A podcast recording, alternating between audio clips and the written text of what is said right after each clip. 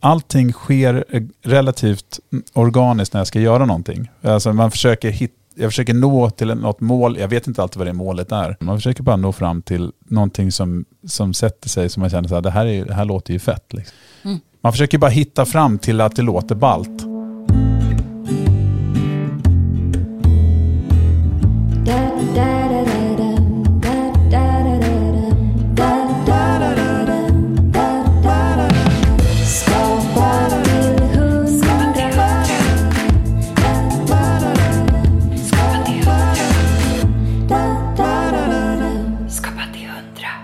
Idag träffar vi artisten och producenten Albin Myers.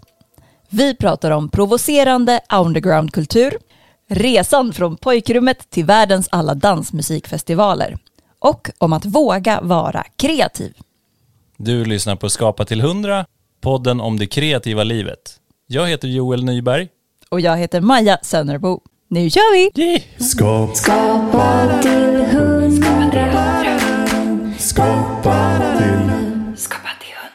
Antar jag att jag, ska jag sitta sådär eller? Precis. sitta i Ja, Du får den sköna. Heta stolen.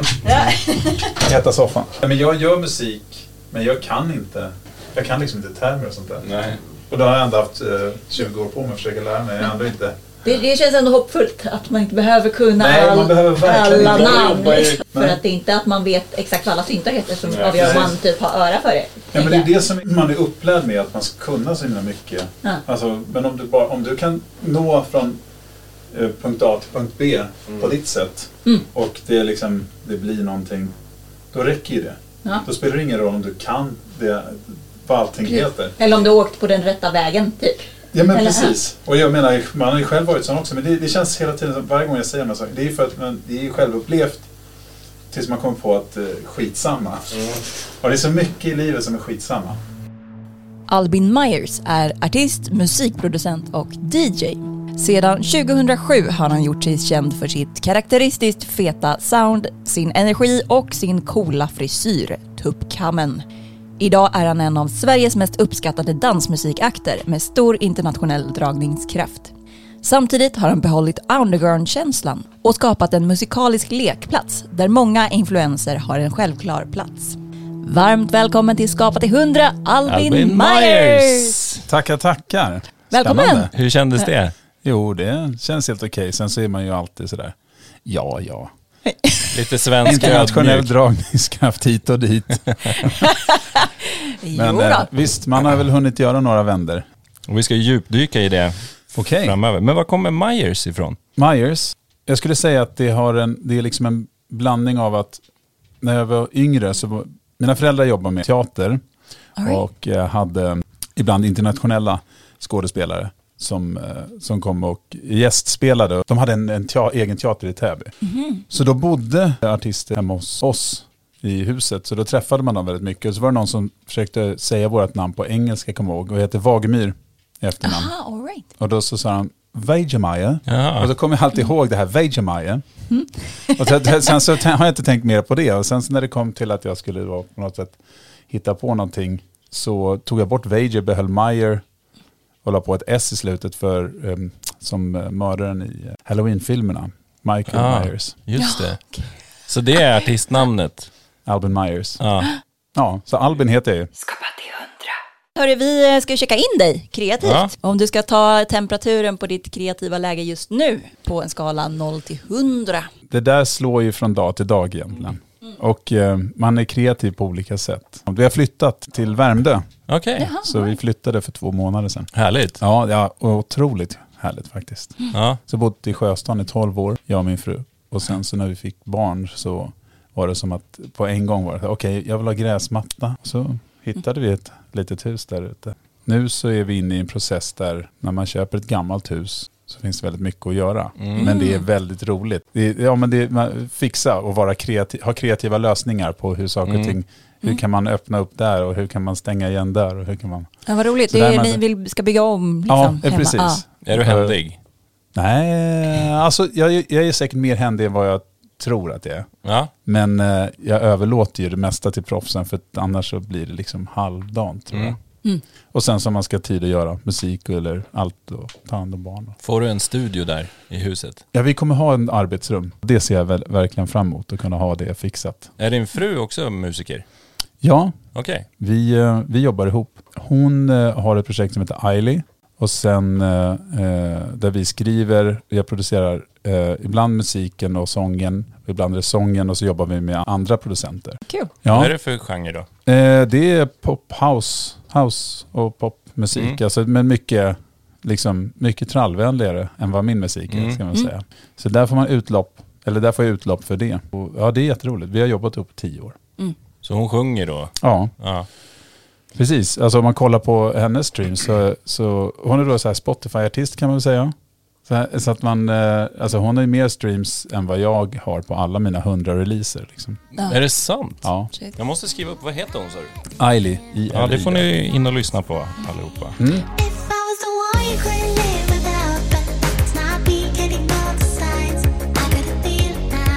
Men vad kul att, att när du tar till exempel på din kreativa läge att det är så här husrenoveringen som kommer top of mind. Ja men just nu är det det, även Ja. om jag gör, eh, håller på med musiken också, men det är det som tar den största Mm. kreativa platsen i ens huvud. Skapa till hundra. För man vet inte så mycket om dig personligt sådär. Vi researchar ju alla gäster och Ja. det här fick man ändå googla lite, gräva, gräva Ja. i länkarna. Alltså jag är ju intresserad av, av din typ av, eller house och Mm. dansmusik. Så jag, och alla vi vet ju vem du är. Liksom. Ja. Alla vi som är intresserade av det. Och du Mm. kör, hur, hur lyssnar du på Albin Myers, Maja? Jag kände inte alls till dig Nej. förrän jag hittade din eh, Popopolapp som är din Ja. största hit.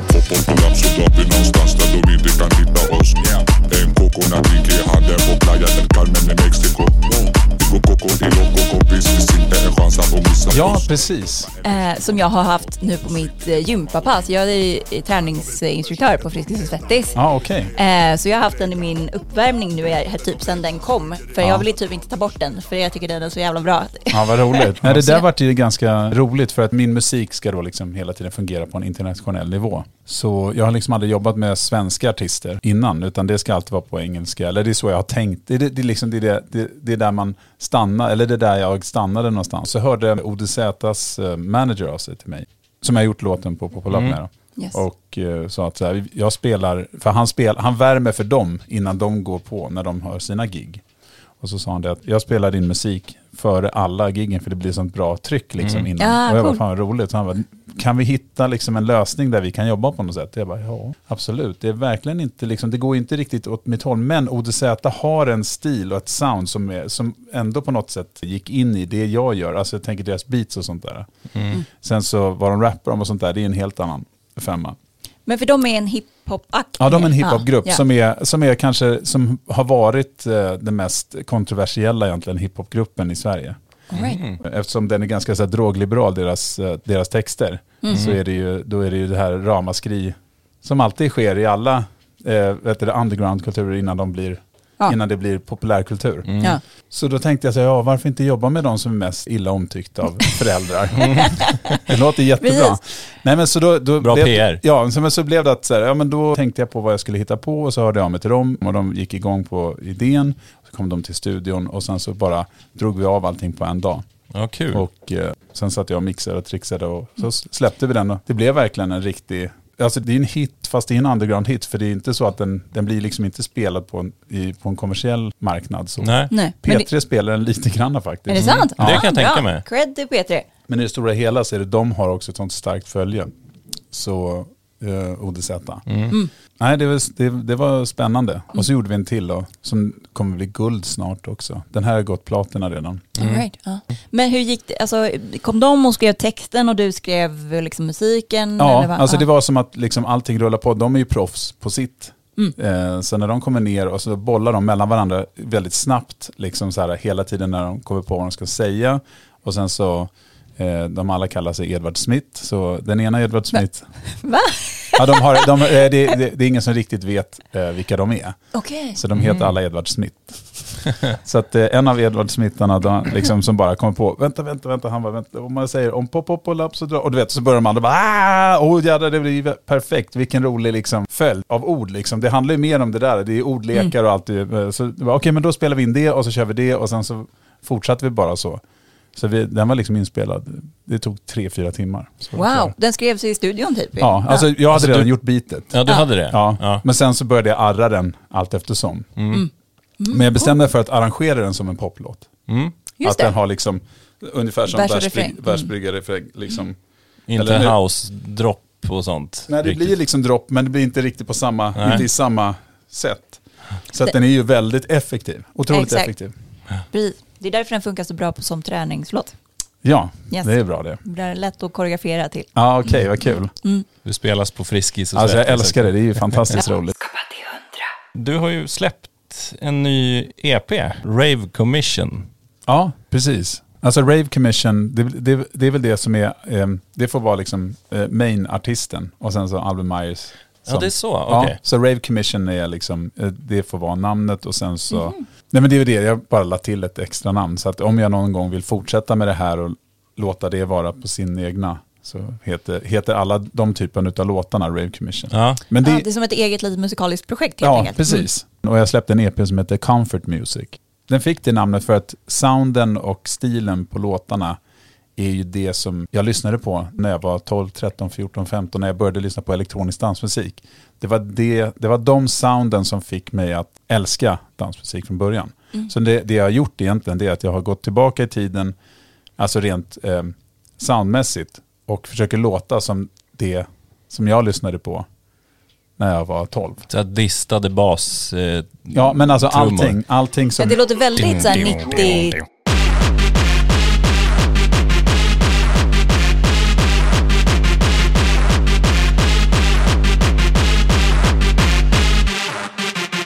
Ja, ja. Alltså, oh, ja, det, ja. det här är liksom musik som var stor mellan 91 och 96. typ. Docklands liksom. Mm.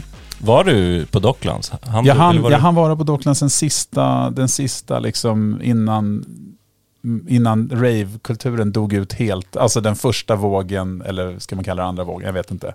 Men första vågen sådär. Så jag hann vara där 2000, eller 2001, 2002, Ja, några gånger. fett. De, de stängde 2002.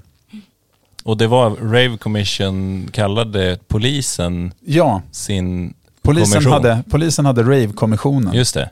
Eh, jävla häftigt namn för eh, Ja, regeringen Ja, eller polisväsendet att hitta på någonting. Ja. ja. men då var ju det, alltså du vet, de skulle sätta stopp liksom för eh, denna hemska ravekultur. Mm. och alla dessa droger som, som flödade i överflöd. Det där är intressant, det är som med all, som jag sa tidigare, undergroundkultur, innan den blir mainstream, Mm. är den livsfarlig för samhället Mm. av någon konstig anledning. Ja, just Eh, när man inte riktigt, när myndigheter kanske och sådär kan riktigt greppa vad denna ungdomskultur är för någonting, Mm. så blir det det här, vi måste sätta stopp innan alla ungdomar dör. Mm. Alltså, det, så det är rätt roligt att alltså, i re- retrospekt, så, alltså kolla på gamla inslag från 95. Jag har, koll, jag har kollat på YouTube när det är så här. Aha, okej. Och de, de intervjuar poliser och sånt där. Alltså det finns så mycket roliga klipp också. Mm. Där de är helt så här för, förfärade. Ja. När de, de, de hittar, jag tror att de hittar, alltså när de går in på Dockland så de hittar eh, påsar för eget bruk så att säga, som ligger lite utspritt på golvet där. Han bara, det är som att plocka svamp i skogen. På hösten. Kantareller. Överallt. Hemska ungdom. Alltså, men att använda den referensen till att han hittar så mycket påsar där det legat kanske pulver eller någon ecstasy eller något sånt där. Ja. Och kallar att han, det är som att plocka svamp i skogen. Det var ju så jävla roligt.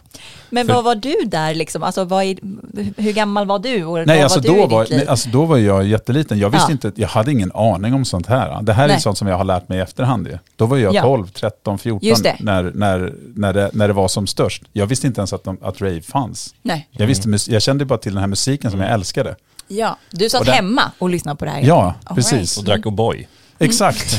Det var alltså dricka O'boy och liksom lyssna på Lyssna på rave. Ja, men det var ju typ det. Så att jag trodde ju att det hette rave. Alltså, Ja. Men rave var ju någonting annat egentligen. Nu, nu, nu är det som ett samlingsord igen. Det, Ja, men det är sånt som så här- spelas på rave. Ja, och rave Alltså kan ju vara techno eller trance Ja. eller det kan vara house, det kan vara vad som helst. Ja.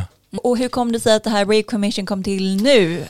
Jaha, eh, ja jo precis. Ja, men det är så här, musiken och sounden är, är så ehm, vitala i min uppväxt. För att det, det var ju så att man använde mycket samplingar på den tiden. när man, Mm. liksom, precis som i hiphopen så i dansmusik, man använde eh, samplingar och sånt där. Så det finns det liksom vissa grundstenar ska man kunna säga under en viss period. Där man, många använde samma trumsamplingar, samma.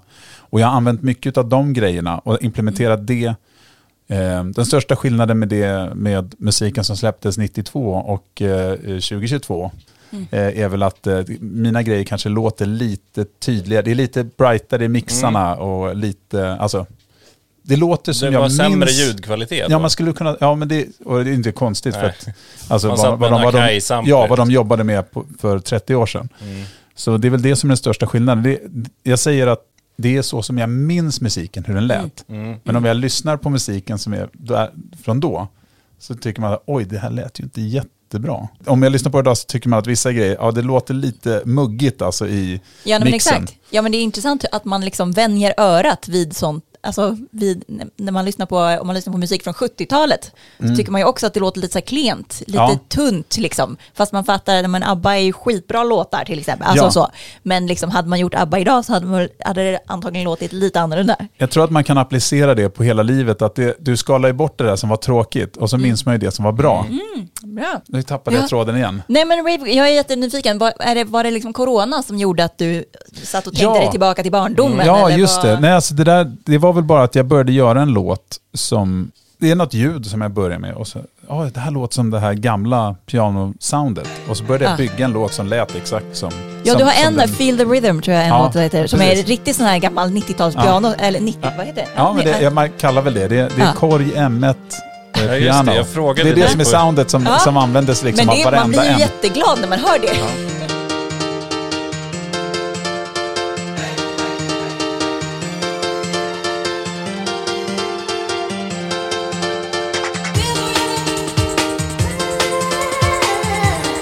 Där, har- du? där har du ju ett, där har du det, ett sound som Ah. användes av alla, som Ah. sen liksom blev det är liksom the royalty of house piano sound på något sätt. Ja.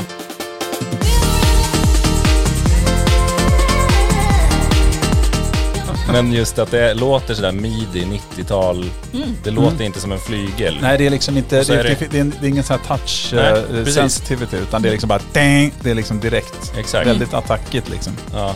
Så att det var egentligen det och så bara, fan, jag borde göra en låt som låter som gammal eh, hardcore gabber från Belgien 1991 också. Och så gjorde jag en sån och så bara, nu on a roll, ja men nu ska jag göra en jungle-låt som låter som typiskt så här jungle från London från 93. Nej men du vet, så att det är liksom så här, det, är- det är ju specifika eh, tidsepoker eller år också. Det är det som är så roligt att musiken, du vet, det, det hände så mycket under en kort period, men det Ja. hade ju tror jag med tekniken att göra också. Precis. Att det blir mer tillgängligt för vem som helst att göra musik.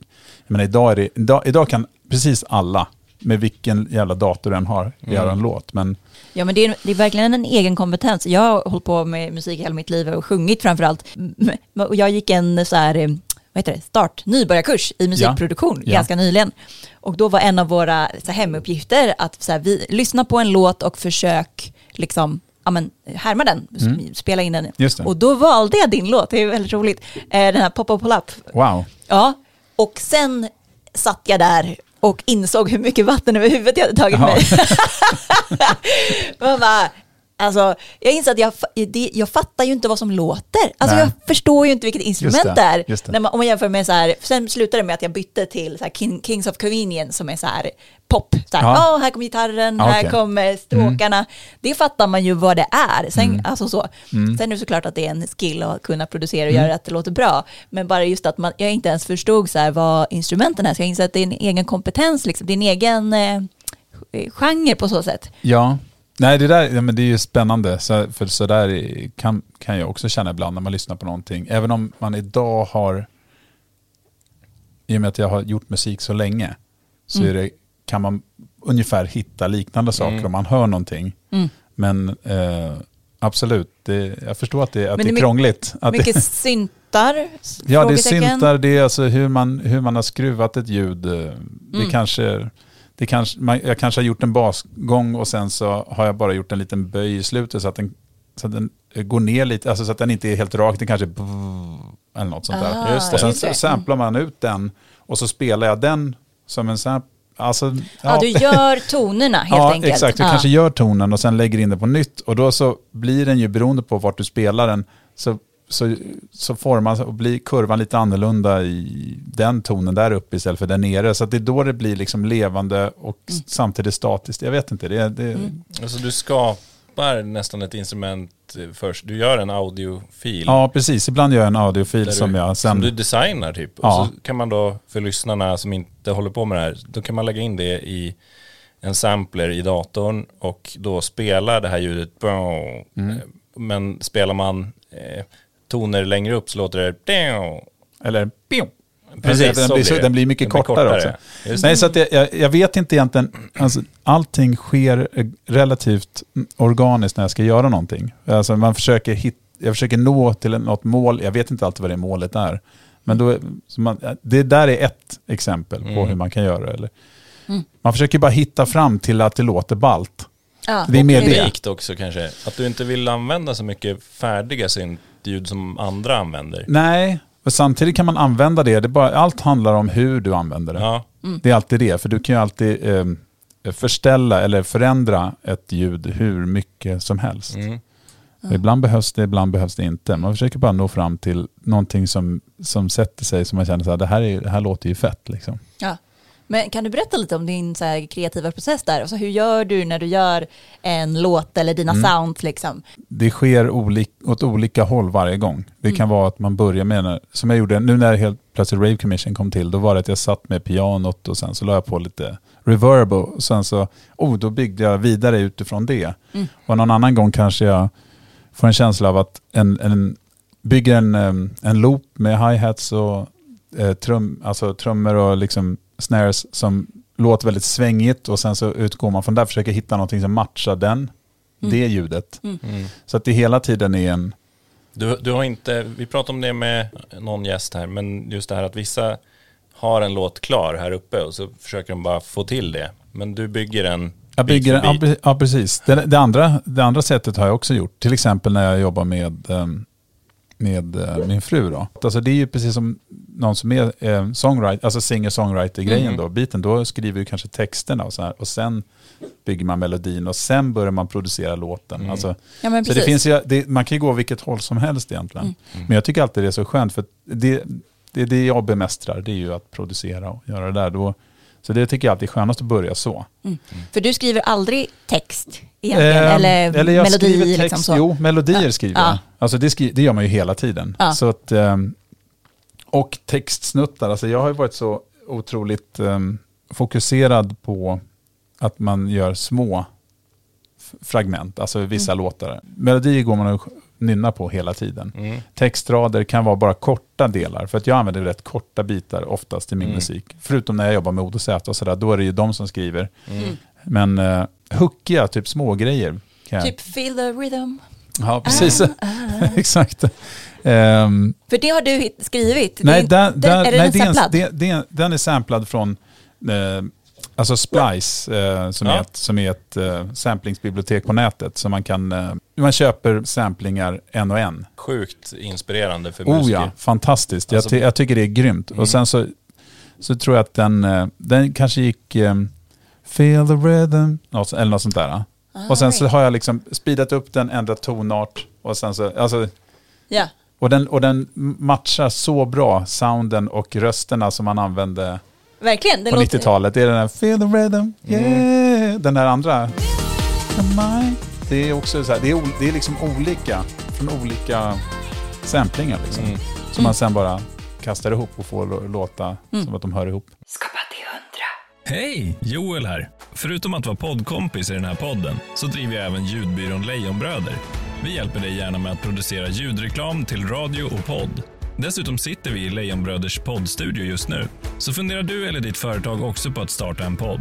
Så hjälper vi till att både spela in, producera, klippa och skapa ett jingelpaket bestående av exklusiv musik.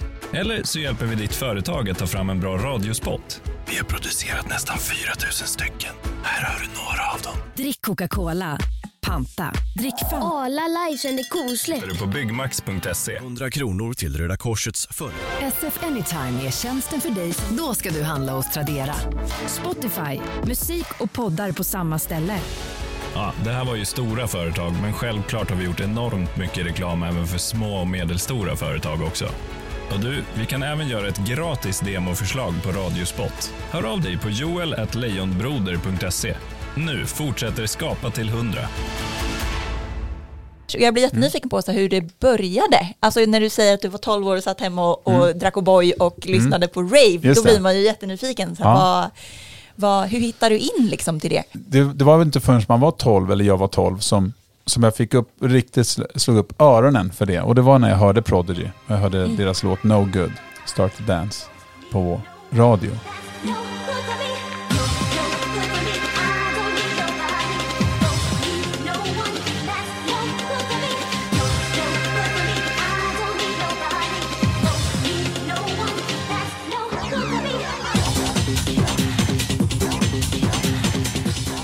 Jag tänkte så här, alltså vad är detta? Det här är Mm. det fetaste jag någonsin har hört. Alltså det, Ja. blir liksom, det, det är så mycket intryck och det är så mycket ljud och det är så mycket som händer och det är tempo. Och sen vart jag bara helt frälst i det och ville bara få tag i allt Mm. som jag kunde hitta. Men det är svårt att göra det när man inte har internet, som man inte fanns inte på den tiden. Utan, jag hade min kompis, hans storebror, de, han var ju på rave och sånt där. Mm. Han var ju då 16 eller 17. Så det var liksom, det var, man förstod att de var på någon fest ute i skogen. Mm. Så man drömde sig dit fast man visste inte hur det såg ut. Nej. Men man, man visste ju inte ens hur en nattklubb såg ut. Nej. man vet ju ingenting. Men Nej. musiken spelades någonstans häftigt och de hade vinyler och sånt där. Sen hade jag min storebror som jobbade på Polygram eh, skivbolag. Han är 13 år äldre än mig. Så All att eh, han jobbade där och hade liksom då tillgång till all ny musik innan det ens släpptes och gav det till mig. Han lyssnade inte på sånt, han lyssnade på rock typ. Det var ju verkligen right up my alley. Trip-hop och breakbeat och allt sånt där. Och trance och drum and bass och allt. Så att jag, jag blev ju matad, förutom när jag kanske hittade någonting när man gick till Megastore eller något sånt där. Mm, just det. Vid plattan va? Ja, precis. Och Eh, köpte en singel för ja, 30 kronor, exakt. sin veckopeng typ. Exakt. Men var det, satt du hemma och lyssnade på skivor då Ja, hela man lyssnade dagarna? typ? dygnet runt ju. Ja. Det var ju bara att spela så högt man bara kunde. Ja. Och när Ja, började du själv komma på att du vill ska göra det själv? Eh, musik 98 tror jag. 97, 98. Berätta. Eh, det var hemma hos min kompis, han hade en gammal PC. Och Mm. ett program som hette Fast Fast Tracker 2. Mm. Mhm. Så eh, där, eh, samplebaserat program. Nej, så det första var med min kompis Robert och eh, vi satt och gjorde trance och drum and bass och alltihopa. Allt Hur lärde ni er det? Ingen aning alltså. Men du har musiköra måste du ha. Jag tror att jag har nog eh, eh, Gehör. gehör. Ja. Spelar du något instrument eller? Nej, det var att jag lärde mig spela piano när jag var liten. Okej. Eh, mina föräldrar hade någon som kom och vi- eh, pianolärare, så vi kom hem så att man fick sitta. Mm. Men det var någon de jobbade med, han var musiker, så han, han jobbade i deras produktioner. Så då fick Ah. han ett extra gig, det var Mm. att eh, lära, Lära dig? Ja. lära oss spela piano eller gitarr. Och gitarr var tappade jag direkt intresset och pianot var jag också, alltså, om jag inte kunde det direkt så var det skittråkigt. Exakt Det, ja, det samma för kommer jag mig. också ihåg. Fast jag, jag satt också och hade spelat på pianoläxan och typ slog på pianot för att jag blev så jävla arg för jag inte kunde Mm. det direkt. Ja, exakt. Men av någon konstig anledning så fanns det ju någon dragningskraft i musiken ändå. Ja. Mm. Och sen så när man kunde hitta det här med att göra musik på datorn och liksom då började det utvecklas mer. Och sen så prövade jag, så att det var ju egentligen på hobbynivå hela vägen. I nästan tio år Mhm. innan jag började släppa musik. Skapa till hundra. Berätta om liksom ditt första genombrott. Jag hade då, jag jobbade som turnéledare på ett produktionsbolag. Just det. Och när Först. är vi nu i tiden? 2003, Och du är hur gammal? 40. För, ja, nej, men hur, Då. hur gammal var du då? Jaha, ja, jag var 40 då, så jag, jag, är, 20, jag är 600 år gammal nu. Exakt. Nej men då, då var jag... 21 typ. Ja, 22 kanske. Så jag var turnéledare, eh, åkte med eh, Petra Marklund, eller det var i september, Ja. Mm. och eh, massa akter. Alltså det var alla, det, alla möjliga typer av, högt och lågt alltså. Så eh, det här produktionsbolaget jobbade också med Attic, eller eh, de, de satte några gig till dem. Och jag höll ju på att göra musik hela tiden, så då någon gång kanske jag spelade det för dem. Om jag åkte med dem till typ Ludvika. Mm. Och så tyckte de att det lät rätt ballt och så fick jag remixa dem några gånger. Och The Attic är ju då Michael Feiner och eh, Erik Amarillo. Erik Amarillo ja. Mm. Precis. Då var det de som hörde av sig till mig sen och sa, alltså vi tycker att dina låtar låter så himla häftigt. Alltså de är ju feta liksom, kan vi få släppa din musik så har vi en 50-50 deal. Vi sköter det där och så, typ. Mm. Wow. Och jag bara absolut, det låter ju bra. Jag hade så mycket musik så att 2007 släppte jag alltså eh, flera EPs och singlar. För du hette Punk Punkstar. Star. Ja, precis. Då. Punkstar Remix, det var ett, exakt innan det blev Albin Myers. Mm. Så att jag remixade dem, jag remixade så här, Marie Serneholt, jag remixade eh, West End Girls som bara gjorde, eh, som bara gjorde Pet Shop Boys eh, covers. Alltså det var så här, jag, jag remixade, gjorde elektro-remixer på typ eh, pop, svenska popartister. Mm. Ja, all right. Och eh, jag bara ho- hoppades att jag någon gång skulle få börja jobba med eh, liksom folk som, inom house och inom hela den grejen. Mm. Till slut så skedde det då, men då var det via dem och deras lilla skivbolag. Och sen efter det så träffade jag Joya Records som hade väldigt mycket musik. eh, De var liksom ledande i dansmusik i världen tag där. Med Axwell, eh, Erik Prytz, eh, Steve Angelo, Sebastian Ingrosso. Och, och så fick jag jobba med dem också, det var, väldigt, eh, det var ju väldigt häftigt. Liksom. Sen när jag började bestämma mig för hur jag skulle låta, Mm. det var ju egentligen det var ju de svenska artisterna. Jobbade du med dem? Nej. eh, Känner du dem liksom? Eller? Nej, eh, man skulle väl kunna säga, eh, inte känner. Men de vet ju vem du är, liksom. Ja, de har ju spelat mycket av mina låtar. Ja. Eller vid tillfällen så, liksom, det är häftigt när man har varit till exempel Pascha 2009 tror jag. Ja. Så var det Swedish House På Ibiza. Pascha. Ja, på Ibiza. Och så hör jag en av mina låtar komma in, du vet. Då står Ja, man ju bara i fett. 7-8 minuter och bara blundade och bara lyssnade. Helt bara, sjukt. De spelar min låt på Pascha, en av de mest, Wow. En av, vet, mest anrika nattklubbarna på... I världen. Ja, så att det, så- Men vad sa du, du sa något om att du, när du hittade ditt eget sound, var, eller när du bestämde dig liksom för hur du skulle låta, var, var det med inspiration Ja, men alltså, från det de här var verkligen personerna? inspiration. Alltså, Ja. Jag kommer ihåg att jag hade en eh, samlingsskiva, jag kommer inte riktigt ihåg vad den hette. Alltså det var så många bra låtar, det var som att det var någon slags skifte känns det som. Mycket, många olika stilar inom house som fanns på den där och det var så sjukt mycket bra. Men då var det en låt som hette, gruppen hette By Now, For Sale heter låten. Och de bakom By Now, det var ju Steve Angelo och Sebastian Ingrosso, det visste jag inte först. Men när jag hörde den låten, jag bara, alltså det här är fetast jag någonsin hört. För det kändes rockigt, det kändes punkigt, det kändes liksom houseigt, det var alltihopa. Den hade så mycket energi, den var så jävla fet den låten. Dum, dum, dum, dum, dum, dum, dum, dum, dum.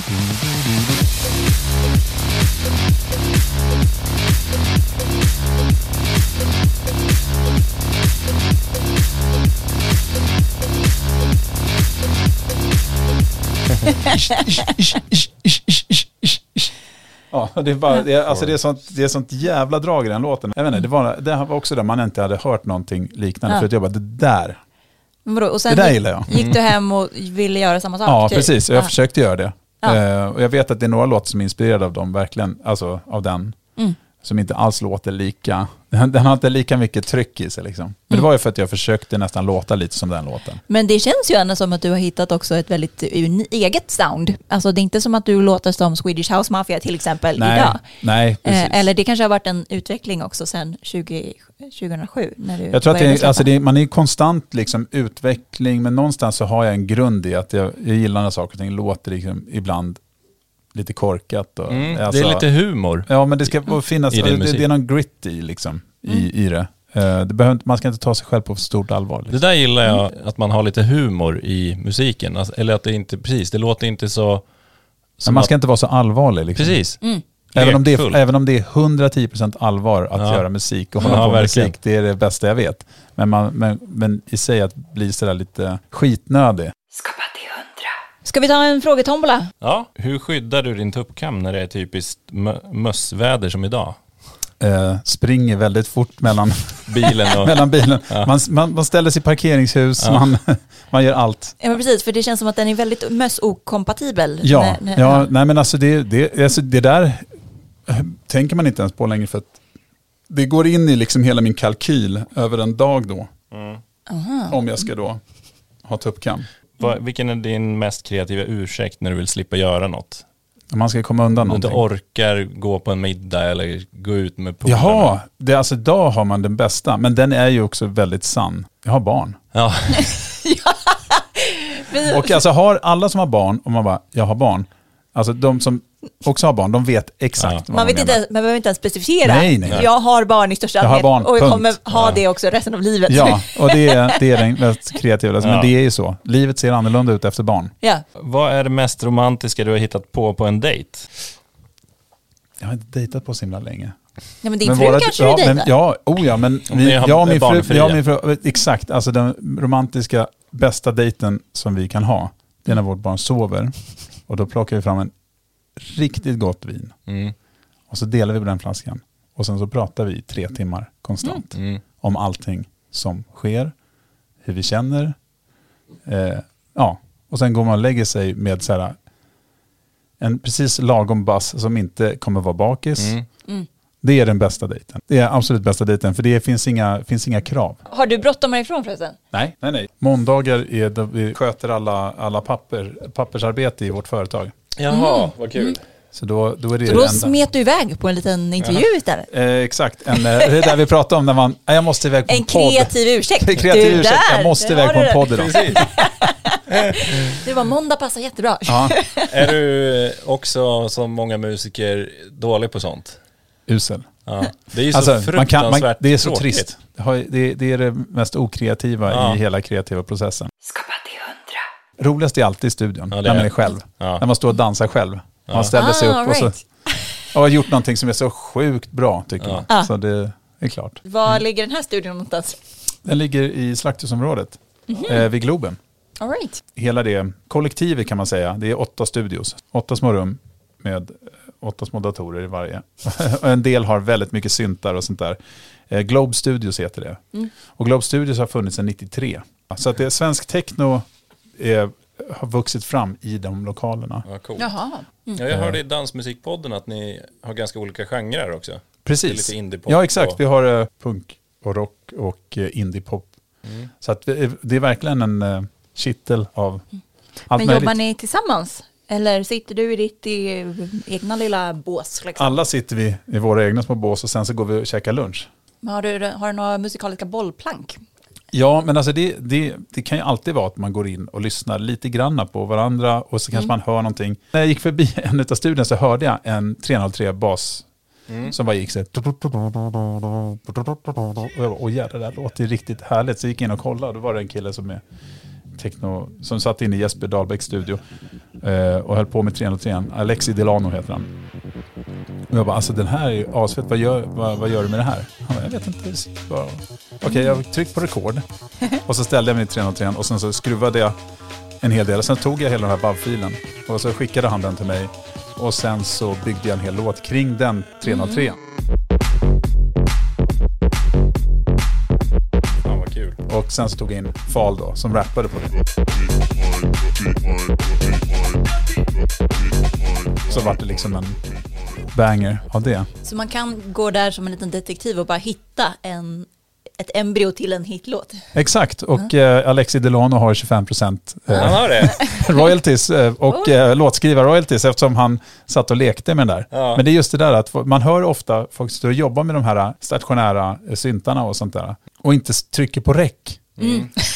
Tryck på räck, det säger jag till alla. exakt. Tryck på räck, det här låter så fett. Ja men det är kul, för att, eh, att skapa musik också, man behöver kanske inte alltid spela in allting utan folk tycker det är roligt att bara hålla Ja. på. Men då, kul att försöka fånga sådana där grejer. Och nu gjorde jag det en gång och då så blev det en låt som, man släppte, som jag släppte sen. Men har du liksom något, har du någon rutin när du gör musik? Går du till studion? kör- Tisdag till torsdag 9 till 15. Ja, det blir så. Ja, för sen hämtar man ju på, Ja. på förskola och så. Just det. Så um, det är där och sen jobbar jag hemifrån då. Eh, för nu jobbar jag med allting i min stationära laptop. Ja. Stationära laptop. I min, i min laptop menar jag, icke-stationär laptop. Ja. Eh, så den åker med överallt och då kan jag sitta och jobba hemma kvällar ibland också. Mm. Och det är väldigt skönt. Det förändrades när, jag, när Melker föddes. För då, efter två månader när vi hade varit hemma, och jag bara, jag måste göra musik. Mm. Eh, och jag har alltid jobbat via min stationära dator för den har, liksom full, den, den har tillräcklig kapacitet att ha Mm. hur mycket syntar som helst, hur mycket. Och en laptop har inte lika mycket plats. Fast idag har de ju Idag typ har de det. Så efter två månader, jag, bara, jag måste börja producera igen. Och Mm. gick runt med honom på magen. Men då satte jag på en sån här eh, eh, pilatesboll, studsade medan han sov då. Och så koppla, f- fick allting att fungera i min laptop istället. Och så hade jag hörlurar så, så att jag gjorde musik så här. Med hand på magen? Ja, han på magen så. Så satt jag och gungade sådär.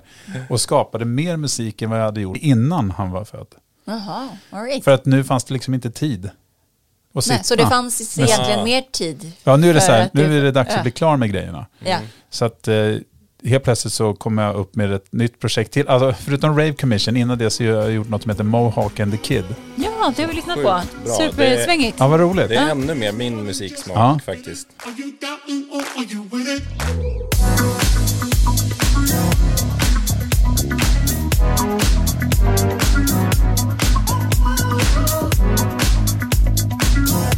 Och där, där jobbar jag ju tillsammans med min son. Det är han som heter Kid då. Ja, just det. Eh, så att Men- han, han, han, lyssnar, han får ju lyssna på alla låtarna. Nu går, han- nu går alla royalties till mig, men alltså allt som jag ändå äger är hans sen ändå. Så att, Ja. eh, han, inte han, han skrivit ska han få, han ska få sin... Nej, det är jobbigt att han ska ha ett eget konto nu när han är två och ett halvt. Ja. Jag vet inte. The Kid. Ja. Nej men det är det, alltså jag menar det. Eh, I och med att jag har elektronisk dansmusik, det är ju brett och jag har lyssnat på allt och jag gillar allt. Och sen så Albin Myers har ju en, men sen så har, finns det ju massa annan musik som jag tycker om också. Och som du På det här be, spektrat. be, bemästrar också. Tycker Ja, jag verkligen. Alltså det Men det handlar om att jag har prövat och gjort all typ av Ja. musik jämt. Ja. Och sen så Mm. fokuset blev Albin Myers konceptet eller vad man ska kalla det. Som är min liksom huvud. Men eh, jag kan göra det andra också. Ja, Så varför inte göra det då? ja vad coolt. Även om det tar väldigt mycket tid. Det är så svårt att hålla, upprätthålla bara en, eh, en eh, liksom artist, eh, vad heter det? ja, Varumärke. Ja, Ja. ja, och sen ska man ha fler. Det är, och då ska man ha gärna ha Instagram och TikTok till alltihopa. Så, att det, är, Ja. så det är bara stressigt, men samtidigt jag måste göra det för det är så roligt att göra. Skapa till hundra. Du verkar väldigt duktig på att göra färdigt låtar. Ja, det, det är ju det som är själva det tanken. tycker jag är det svåraste. Ja, Det är Och jag jättelätt att, och man är så kreativ i början. När man Mm. gör ett beat, man hittar någon cool sampling. mm. Men sen att göra det till en hel låt och att det ska vara lika bra hela låten igenom, det, tyck, det är svårt. ja, och samtidigt så tror jag att det ligger ju mycket i att man har eh, lite dålig självkänsla Ja. över vad, alltså, vad som är bra och vad som är klart. Mm. Och någonstans måste man bara säga att det är klart. Mm. Och sen kan du sitta och tänka på det där. Men när det går ett år och du lyssnar på det igen sen så bara, fan det här var, svänger, fan vad Exakt. bra det här var. Ja. Men jag tänker liksom, om jag skulle släppa något så tänker jag så högt, alltså jag vill ha en blandning av Fatboy Slim, Ja. Michael Jackson och Ja. Daft Punk. Just det. Och, alltså det ska vara bättre än dem nästan. Ja, ja, alltså du vet, du sätter ju ribban ganska Ja, högt. exakt. Jag Så att, eh, jag tror att man ska utgå från bara att göra och sen släppa och sen så, det, bara den grejen gör ju att man, oh, och nu är det ute och sen behöver jag inte tänka mer på det och sen kan man börja på nästa projekt. Men det är det för att, det är det för att jag har gjort exakt samma sak själv. Alltså väntat, väntat, väntat, väntat, väntat. Var gjorde du det i början? Att det var då Ja, därför du hade man var aldrig riktigt bra liksom. Nej. Om du tänker på din kreativa process, har du Mm. något skede som är där du har mest motstånd? Vad är det som mest uppförsbacke? Mest uppförsbacke. Jag tror att det svåraste är nog när man jobbar fler. Mm. Alltså, just i den, eh, alltså när fler ska eh, tycka till kanske. mm. Och eh, när jag släpper mitt egna då är det ingen som behöver tycka till förutom jag. Mm. I det mesta liksom. Man kanske spelar för andra och jag säger det sådär. Så att det är väldigt, går väldigt mycket fortare men det är, det är en skön process. Sen till exempel när vi jobbar med eh, Ailey-projektet, alltså min frus eh, projekt, då är det ju liksom ett skivbolag har vi och sen så har vi andra producenter vi jobbar med. Och så ska, man, ska det komma filer och du vet, man vill göra klart det nu. Ja. Eller, eller, eller du vet, man vill inte göra klart det än för att jag vill ha det där andra från någon annan. Så det kan bli liksom, då, då, då kan processen helt plötsligt ta så mycket längre tid. Och då, då eh, förlorar man momentum lite. Just det. Men har det gått åt helvete någon gång för dig? Alltså man skulle nog kunna säga att det, alltså motgångar och sånt där, det finns ju givetvis eh, jättemånga. Och så finns det de som är mer jobbiga och mindre jobbiga. Mm. Och det, man har ju verkligen gått in i, förstått i efterhand att vissa saker gjorde en deprimerad över. Vissa samarbeten som man har haft med människor och som man har litat på och som inte liksom, man blir kanske, man känner sig kanske lurad eller något i, och det har att göra med att man älskar det man gör och inte tänker på andra saker runt omkring. Alltså så här med viktiga att hålla koll på. Man måste gå igenom många sådana här motgångar för att man ska förstå vad, hur man kan göra saker och ting mer rätt. Mm. Så att det är viktiga, viktiga lärdomar. Att det kanske inte riktigt funkar i vissa samarbeten och sånt där. Men ha koll på typ royalties och bestämmelser. Royalties, pengar, alltså Ja. det är mycket, Mm. det, är där, det är där det är ofta liksom. Ja. eh, så det är viktigt att eh, hålla koll på det. Ja. Oftast är det ju kanske när det har gått åt helvete som man lär sig också som mest. Man bara, ja okej det där var inte så bra. Nej, Det, nu precis. ska vi inte göra om det där. Nej, det ska man absolut aldrig göra om igen. Nej. Och eh, nu så när jag jobbar med, vem jag än jobbar med, så har jag öppna kort i precis varenda. Mm. Det finns liksom inget, finns inget lurendrej. Alltså det, det finns liksom ingenting att eh, så här är det, så här går det. Och, Okej, ni fixar gig till mig här, ja men då ska ni ha era procent där. Eh, Man, vad- vad är liksom betalning? Alltså allting, det, finns, det är full transparens. Ja. För annars tänker inte jag jobba med de personerna. Mm. Och det säger jag från, från början. Jag har inte tid Nej. Mm. med någonting annat. Mm. Nu blir jag liksom så här uppjagad här. För Ja. för att, nej, men det är just det här Ja, att det, nej, men- nej, men det är bara för att det, så är det bara. Det är Ja. så här, om vi ska jobba då, då gör vi det och så high-fivar vi och har asroligt ihop. Mm. Ja men I- exakt. då menar jag i liksom alla. Med musiker är det inte så himla jobbigt. Alltså, för det är också bara andra knäppjökar som bara gillar att göra musik. Ja. Men när det kommer till liksom businessbiten är det viktigt att vara Mm. helt rak från Mm. början. Skapa. Vad var ditt genombrott? Om du får säga. Jag tror att man kan se det olika, det är väl olika etapper också. Mm. Hur, man har, hur man ser på vad man har åstadkommit. Och det är alltid liksom små baby steps hela tiden. Mm. Så att ett var ju att få släppa min egna musik. Det kändes som ett genombrott då ju. Mm. Och sen eh, 2012 skulle jag väl säga är egentligen året när liksom EDM också exploderar. Och man Mm. hakar på, man, vi följer med. Vi alla som hållit på ganska länge, eller ett tag i alla fall. Liksom, åker på i den här trenden där liksom dansmusik, vad är det? Vad är EDM? Och alla börjar lyssna på det, alla tycker att det är bra. Och det började spelas på radio. Ja, det börjar spelas på radio och sånt där. Och jag släpper min låt Hells Bells som jag hade gjort. eh, har ingenting att göra med ACDCs låt Hells Bells nu när vi pratar om Mhm. eh, rocklåtar. Utan den- det var bara, jag tyckte det var ett fett namn för att det låter som stora klockor från helvetet kanske. Mm. I breaket i den låten. Och en väldigt intensiv wobblande basgång i den låten.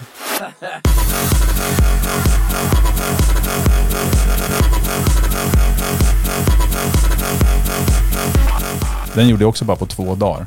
Det var Mm. liksom något som bara, jag kastade ur mig. Och så eh, Steve Aoki hade jag jobbat med innan. Så eh, jag hade kontakt med honom, skickade den till honom, signade låten. Den började spelas av alla, eller alltså långt innan. Eh, så Tiesto började spela den och Avicii och Zed och Ja men alltså alla de liksom stora namn började spela den innan den släpptes. Det var liksom halvår innan release. Wow. Jag var så stressad, där, kommer jag ihåg, att den, det, hypen kommer läggas innan låten Mm. släpps. Mm.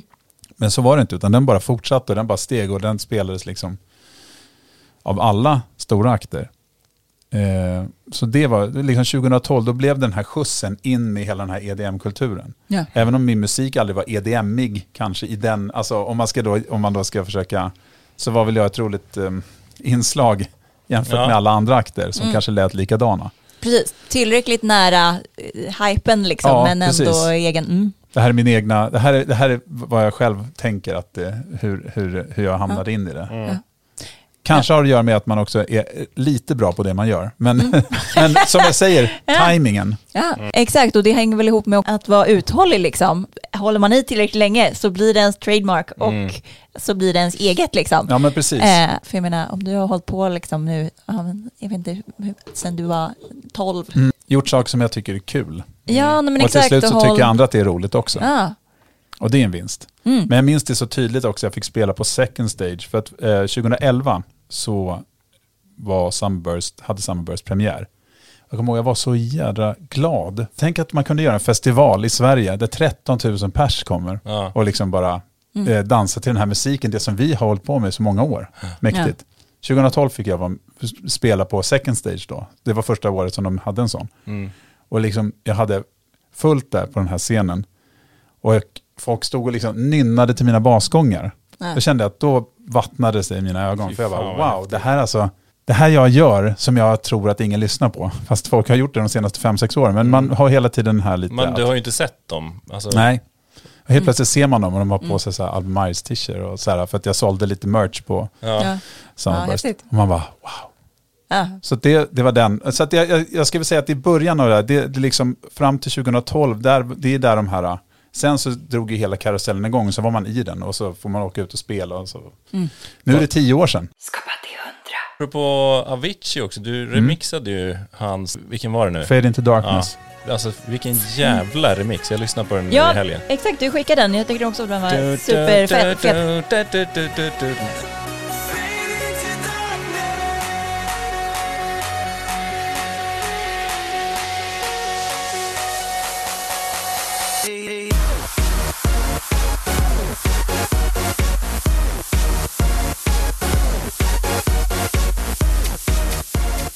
Alltså Ja. en helt annan, Jag skrev en ny låt ja, kring, alltså, Mm. men hans. hade kvar hans i de lugna delarna Mm. liksom. Och sen bara, Men det måste ju också ur. ha varit en biljett. Alltså jag tänker Ja. remixa Oh ja, Avicii. ja, ja, ja, absolut. Eh, Inte att förglömma alltså. nej. Nej, men eh, jag träffade också Tim första gången 2009. mm, Och då, så att han hade precis, han, han började släppa strax efter att jag hade börjat släppa musik. Mm. Så hans manager då, Ash, frågade om han kunde få remixa mig. Och så, sen skulle jag, så, ja, Tim, Tim, Tim, ja. ja. så han, han remixade en av mina låtar. Och så skulle jag ha födelsedagsfest på Solidaritet. Mm. Så jag bara, men han kommer ikväll. Så, här, så då träffades vi dagen innan min fest, tog några öl ihop. Eh, Så dök han upp på min fest. Och så hade han med sig sin skiva också med li- liksom lite demos som han skulle släppa också. Mm. Och frågade om jag kunde spela dem, så man spelade Bromance och mm, alla de här låtarna. Och sen så var det bara som att han liksom, hej då! ja, det, bara, det bara stack iväg. Ja. Men jag vart ju återkommande på ha, många av hans spelningar. Så att jag turnerade med honom lite. som för, Ja, som, Ja. Och, och, ja, kan man säga. Och det är roligt med tanke på hur jag låter och hur han låter. ja, Jag fick spela flera gånger med honom och på hans True Tour. Och, nej, det var ju väldigt roligt. Och han supportade mina låtar. Han spelade i Hells Bells ända tills han slutade spela mm. 2016. Så att den låten var med i alla hans set. Jaha, Från vad coolt. 2012 till 2016. Det är Och min remix på Fade Into Darkness då. det är ju stort. Ja, det var verkligen... Märkte du eh, liksom hans problem? Eller var du inte Alltså så jag nära? väl, man kände väl på sig, men allting rullar väldigt snabbt. Och de gångerna vi träffades så han vi prata lite, ibland så han prata av sig. Mm. Om vi hade en stund över, när det bara var han och jag, då kunde Mm. man sitta och prata en stund. Och då pratade vi om produktion och vi pratade om hur allt har gått och hur han mådde då. Men sen så när jag spelade med honom och liksom på efterfesterna så fanns det alltså inte en enda, han var ju så känd. Mm. Så att det fanns liksom inte en sekund att komma, för att det, folk trycker sig igen, förbi en när man pratar med honom. Ja, Alltså du vet, det är liksom så här, folk är eye on the price, liksom. jag måste prata med, med honom. Så då blir man så här, ja men då, ja, men då vi, vi snackar sen. Typ. Ja, Ja, Så det var ju hela tiden, han var ju konstant påpassad. ja, påpassad av alla. Mm. Speciellt när, eh, när man är så ung också och uh, kastas in i en värld som är liksom, där, du, där allt, du, du, du kan få allt. Har du känt den där pressen? Nej, Eller- jag menar alltså jag var ju liksom åtta år äldre än honom Ja. och eh, Och kastades inte in i den typen av kändisskap heller. Som, utan jag fick, har ju gradvis hela tiden fått tagit mina steg. Och du har inte haft ett helt team på 30 Nej. pers under dig? Nej, Som precis. du Som, måste som, försörja? nej, exakt. Precis, det, det är kanske inte lika kul att så här växa med baby steps, men det är kanske är mer hälsosamt. Ja, Ja, man får ju ta del av allting lite granna eh, Ja. åt gången. små kickar då och då. Ja, precis. Så att eh, verkligen, eh, Tim och eh, hela den karusellen gjorde ju gott för mig också. Mm. Att nå ut till en publik som kanske bara lyssnar på pop, house Mm. och sen så Just det. kommer jag in rumlande med mina wob- wobble, wobblebasar så att säga. Ja. Hundra. ja, men jag skulle vilja fråga hur du gör när du kör live. Ja. Eh, förber- vet du hela sättet? Eller kör du på känsla? Eller är det olika? Nej, alltså det är, det är rätt olika. Till exempel när man spelar på en större festival, Mm. då gör jag mera, ännu mer för, alltså för att du har 55 minuter på dig. Okej. Och jag vill få in en viss del grejer i, i det sättet. Då gör jag väldigt mycket förarbete. Så man lägger ner, alltså, jag kan lägga ner en vecka, två veckor på finputsa låtar, korta dem och sådär. Så att det ska kännas liksom som en lite tajtare när man har en kortare tid på sig för, för full effekt så att säga. Men mixningen gör jag fortfarande live. Det gör jag alltid live. Mellan låtarna? Ja, liksom. så det, det är fortfarande live. Sen så om du spelar på en nattklubb, då kan det vara, då, då kanske lite mer loose. Då vet jag att de här tre låtarna fun- lirar bra ihop, så då kör jag Ja. dem i ordning och sen så kanske jag kastar in någonting annat. Ja, men, precis, men tittar du på, även om du har en, en tänkt spellista, kollar du liksom på publiken hur de Oh ja, alltså man har, reagerar? man har konstant, liksom, om du spelar på, om vi säger Summerburst eller någon större festival, Ja. då försöker jag plocka ut, för att du har ett större mellanrum mellan mig och publiken. Eftersom scenerna brukar vara så stora. Just det. Då gäller det att hitta personer i publiken som kanske kan tagga, eller grupper av personer Mm. i publiken som kan hjälpa en att tagga igång. Och Ja. de kan tagga igång sina eh, runt sig. Aha, all right. Så man bara där och så får man ögonkontakt med dem och så där borta och, liksom, och på så sätt kanske man kan få flera att... Vad Ja, intressant, så det är de så här ledarna för de här små klustren som du s- samkör Spelar. med Ja, så skulle man kunna kalla det kanske. För att jag vet inte heller vad det är för någonting jag gör, utan man försöker bara, man vill bara så här, ha, man vill ju ha kontakt med publiken hela tiden. Jag antar att det blir som ett, alltså typ att du lär dig så här, ja men det här verkar folk gilla. Tar du, tar du hem det till studion också så här, det här är Ja, soundet så- eller så är- beatet så liksom, är verkar väl- funka skitbra. Det tror jag att jag gör, men samtidigt så är det att jag vill hela tiden utmana publiken som jag spelar för. För att jag, som när hela EDM-grejen var, då var det ju liksom DJs som körde liksom samma låtar. Och jag vill inte spela bara låtar som alla känner igen. Kanske en liten bit av någonting som folk känner igen, men inte hela grejen. Jag vill hellre, alltså det, det håller mig på tårna precis hela tiden. För jag går in med känslan att ingen vet vem jag är. Så jag måste visa dem vem jag är. Känns, känns det så fortfarande? Ja, Ja, vad Ja, härligt, jag har alltid haft det, alltid haft det, för det gör ju, det, det gör att jag har en, en, en nerv och en nervositet som, som sitter i hela tiden. Och sen loss, alltså det där lossnar ganska fort när man börjar spela. Men jag går in med den för att så här, jag, måste, jag måste bevisa mig. Det, det, det, är aldrig så här, det är aldrig självklart. Jag känner aldrig att det ska vara självklart när jag går upp. För att jag gör inte alltid helt lätt för mig. Och det är det som, är, det är det som, det är det som gör att det blir kul också. Men känner du att din självbild kan också så variera lite med, som du har haft ett sämre gig så är det, känner du så här, ja nej men shit, jag kanske inte är liksom, Det där, är ja, men det där går ju hela tiden. Alltså det går ju upp och ner. Alltså jag menar, alla vi människor har vi väl någon gång. Liksom, man har mer tro på sig själv och mindre tro på sig själv. Så det, är ju, det, är ju, det där går ju i vågor, verkligen. Och eh, en bra grej egentligen är ju kanske att inte vara för tidigt på, på vad heter det, stället. För då hinner man tänka alldeles för mycket. Det är bättre att, Ah, stanna, det är ja. bättre att vara där en kort stund innan man ska gå på Okej. mitt första gig på Bråvalla, då var jag också sådär, alltså det kommer inte vara någon folk där alltså, på, den här, på min scen. Det är lite tidigt kanske, lite hit och dit. Så jag kollar inte, några, några andra som går upp och tittar, min tourmanager, turnéledare, och så han bara, det ser bra ut. Så jag bara, det säger han bara. du vet. Och sen så när jag går upp och ser det också bara helt knök, och sen så när jag spelar så blir det ännu mer, och hela tältet är helt liksom ut, så det blir med i slutet av mitt gig är det liksom bara, det går inte att få in mer människor. Fan vad kul. Och det är roligt för den finns, vi filmade hela den med sex kameror. Så hela det gigget finns inspelat. Och liksom var den känslan av att, det är då, det är då min, alltså känslan av att den här kvällen, eller den här dagen, eller eftermiddagen, känns ju tusen gånger roligare. För att jag utgick från att det är ingen som vet vem jag är. mm, ja absolut. Och sen bara, åh de vet vem jag är, de är med, de peppar liksom. Då blir man ju så, man ju så himla glad. Tacksam liksom för att eh, folk kommer att lyssna. Skapa till hundra. Vad, eh, har du liksom några framtidsdrömmar kring ditt skapande? Eller planer? Alltså jag tror att eh, framtidsdrömmar och planer är väl att fortsätta göra det här. Alltså jag är fortfarande så förälskad i skapandeprocessen av att göra, skapa musik. Alltså det är det roligaste som finns. Det är absolut det roligaste som finns. Att jag fortsätter, alltså jag menar det är ju bara upp till mig att fortsätta. Så, men det är, mina planer är att bara fortsätta göra det här. Men det finns inget som är så här, åh det här ska jag vilja göra liksom i mitt liv. Jag menar det kunde vara kul att åka och spela på Tomorrowland igen, men det har jag redan gjort. Alltså jag, jag menar, om man ser ur- ur DJ-synpunkt så har jag fått göra så sjukt mycket. Och eh, jag har fått göra så många milstolpar. Så att jag har ju nått någonstans där man känner sig, inte klar, för att det är fortfarande mitt yrke, men jag har fått göra så himla mycket. Så att det, det är framtids... Det är väl att bygga på vårt hus och Ja, ja, liksom så här, klippa gräsmattan också. Är, det, är det en del av så här hållbarhetsperspektivet? Om du har hållit på sedan du var 12, kommer du liksom köra på hela livet? Är det det som är Ja men det känns ju som det. planen? Ja. Vad ska jag annars göra? Det är, liksom, det, är det roligaste. Man kan göra vad, du kan göra vad du vill med musik. Alltså det, Ja, men just det, att du har de olika projekten också. Ja, Med, och det, gör, det spa, liksom ger ju det ännu mer energi. ja. Eh, att inte låsa sig i eh, en och samma grej hela tiden. Även om det är gen- genren dansmusik så är, det, är den, den är så stor idag så att du kan göra hur mycket som helst. Just det. Skulle du vilja göra musik till andra artister? Liksom Ja, här, alltså- Vara med i Melodifestivalen? Ja, alltså jag menar, jag, jag kanske skulle nog inte vara med i Nej, men som Melodifestivalen, producent, Men, ja, men som producent eller som låtskrivare, absolut. Jag menar, vi, man har gjort så mycket annat, man har varit på någon slags creditplan någon gång. Mm. Eh, vilket jag också tycker är otroligt eh, lökigt. Alltså hela cred-grejen är ju väldigt töntig.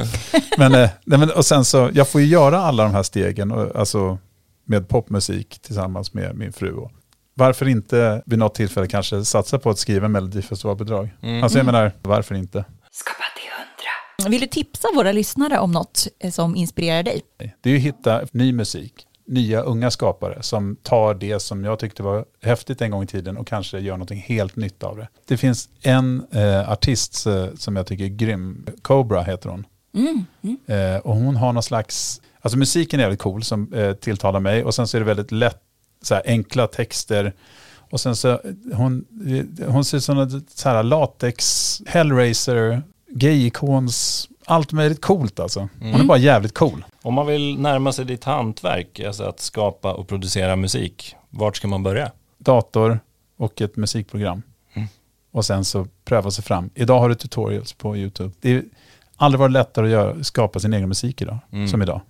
Vilket är ditt bästa tips för att bli kreativ? Alltså det handlar väl om att tillåta sig själv vara kreativ. Jag tänker att människor ofta stoppar sig själv från att göra saker som man tycker kanske är roliga eller som på något sätt, ibland eh, saker som bara gör dig lycklig och som du tycker är roligt. För att, eh, vad ska, men vem ska lyssna på det här eller vem ska göra det här? Alltså det handlar om att tillåta sig själv att vara kreativ. Inte stoppa sig själv för mycket. För att det första du gör kommer inte bli bra. Utan det, det, det, eller det kanske blir skitbra, vem vet. Alltså, men det viktiga är nog att bara våga vara kreativa. För att vi har, alla har det inom sig. Ja. Väldigt bra Ja. summerat. Precis, Mycket Våga bra. följa magkänslan lite. Ja, Alltså, och det är, så lätt att, det är så lätt att gå ifrån det. Ja.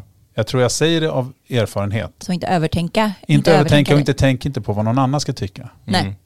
Jag menar, det är väl det, det, är det som de bästa är. Det är folk som bara kör. Skapa till hundra. Vilken solstråle. Eller Ja. så här bara varm kille. Jag gillar honom. Ja, nej men supertrevlig. Jag tror han kan inspirera många, speciellt som vill göra lite musik. Ja men jag gillar alltså hela det här, så, här, alltså så kanske många musikgenrer är, men jag upplever speciellt liksom hela den här elektroniska kulturen, att det är liksom väldigt mycket hemmaknåp och så här, ja men dela ljud med varann, man lär sig själv, man lär sig typ hur man startar programmet och sen så lär man sig på YouTube slash lär sig genom att bara kolla. Alltså det, ju, det känns ju väldigt härligt eh, spontant. Att man bara behöver en laptop liksom. Kanske gärna en Mac som i och för sig kan kosta lite mycket, men då får man bra grejer. Ja, Man, ja. Och det kan vara bra att ha ett, en här midi-keyboard också så man kan spela in, eh, Exakt. spela ljuden på datorn. Exakt, så bara en dator kanske lite sanning med modifikation, men ändå liksom att om man tänker, jämför typ så här, lära sig spela klassisk fiol, ja, nej, men det måste man lära sig sedan man är tre. Och det är liksom eh, 20-30 års övning varje dag, flera till, alltså så här att, och det är ju också super impressive på sitt sätt. Men det finns ju någonting som känns väldigt lekfullt i att sitta och testa lite ljud och sen så spelar man in det och så bygger man liksom så här sten för sten och hittar något så här, wow, det här låter coolt liksom. Och man kan ju den där lilla ljudfilen som jag gjorde där på 20 minuter. Som jag Ja, hade men just det, som du spelade på ett av våra snack, Ja. mellansnack. Då hade jag inte ens ett midi-keyboard utan du kan ju också spela lite på tangenterna på datorn. Mm. Men det är lite svårare tycker jag. Vad tar du med dig från det här avsnittet? Glädje i att skapa. Mm. Skaparglädje. Jag blev sjukt inspirerad att gå hem och göra klar min musik. Roligt. För han, han hade sån inställning så här att, ja men vadå, det är bara jag. Våg, vad sa han där i slutet? Våga Våg- vara kreativ. Våga vara Ja. kreativ. Mm. Och att han då också tisdag till torsdag drar till studion 9 till 15. Och det gör jag också men ja, med lite annan musik. Men just det här min egna musik skulle jag vilja jobba lite mer med. Mm. Blir lite mer office hours och på också ditt hobbyprojekt. Ja, precis. Mm. Och det kan jag tid med. Alltså. Men jag kör ju också all in the box på laptopen. Att, eh, alltså det jag gör, jag försörjer mig på det och allt finns i datorn. Mm. Jag gör alla ljudprofiler och radiospottar på min laptop. Liksom. Och filmmusik, eller spelmusik och Mm. allt. Ja, det, det är ju också, det, jag snackade med min farsa här om, eh, ja förra gången vi var i studion då sprang jag härifrån hem. Ja, just det. Och då pratade, jag, då pratade jag med min pappa hela vägen. Och vi, eh, så här, ja, vi, vi är ganska lika, så vi kan verkligen så där filosofera om livet. Ja. Och så vi pratar alltid om högt och lågt och hur det går. Och, och då sa jag att men, så här, jag har ju drivit eget i, i tio år, fast jag har varit anställd också lite in emellan. Men så här, mm, jag skulle inte bli förvånad om jag startar eget igen, men jag vill inte göra det själv. I så fall vill jag göra det med någon. Men och, och de sa, ja, nej, men det kan ju kosta mycket, så han. Och då bara, nej, men nej, alltså det, grejen är att det, allting handlar om att få in den första kunden, liksom, Mm. för att, just för att man har allting i laptopen som man har i alla fall. Alltså, man behöver ju inte ha ett kontor från början. Man, alltså, det är det som är så coolt, att det blir så, alltså det blir är lättare att starta grejer och vara kreativ också, starta en business och börja sälja grejer. Alltså, Mm. fan, att sälja en strategi, det är ju att sälja en pdf, alltså man tittar i. Så det måste man ju tänka och typ jobba fram det och ha kompetenser för det. Och liksom, ja. Men, Ja, men precis. liksom, det är inte att man behöver köpa en fabrik för några miljoner och Nej, liksom investera på så sätt. och speciellt i Sverige där vi har allt så, alltså med Swish och med, alltså det är ändå ganska smidigt med Skatteverket och så jämfört med Mm, många ja, andra men- länder. Ja. Tyckte du att det var kul ska du klicka på prenumerera i din poddapp. Ja. Och du får gärna följa oss på sociala medier. Där finns vi och är glada och trevliga. Mm. Och kanske lite inspirerande emellanåt. Och kom gärna med feedback vad ni tycker om avsnitten. Yes, vi är idel öra. Vi skruvar ju och utvecklar hela tiden på vad Skapa till 100 ska bli. Ja, Skapa på så hörs vi. Hej då! Skapa 100. Skapa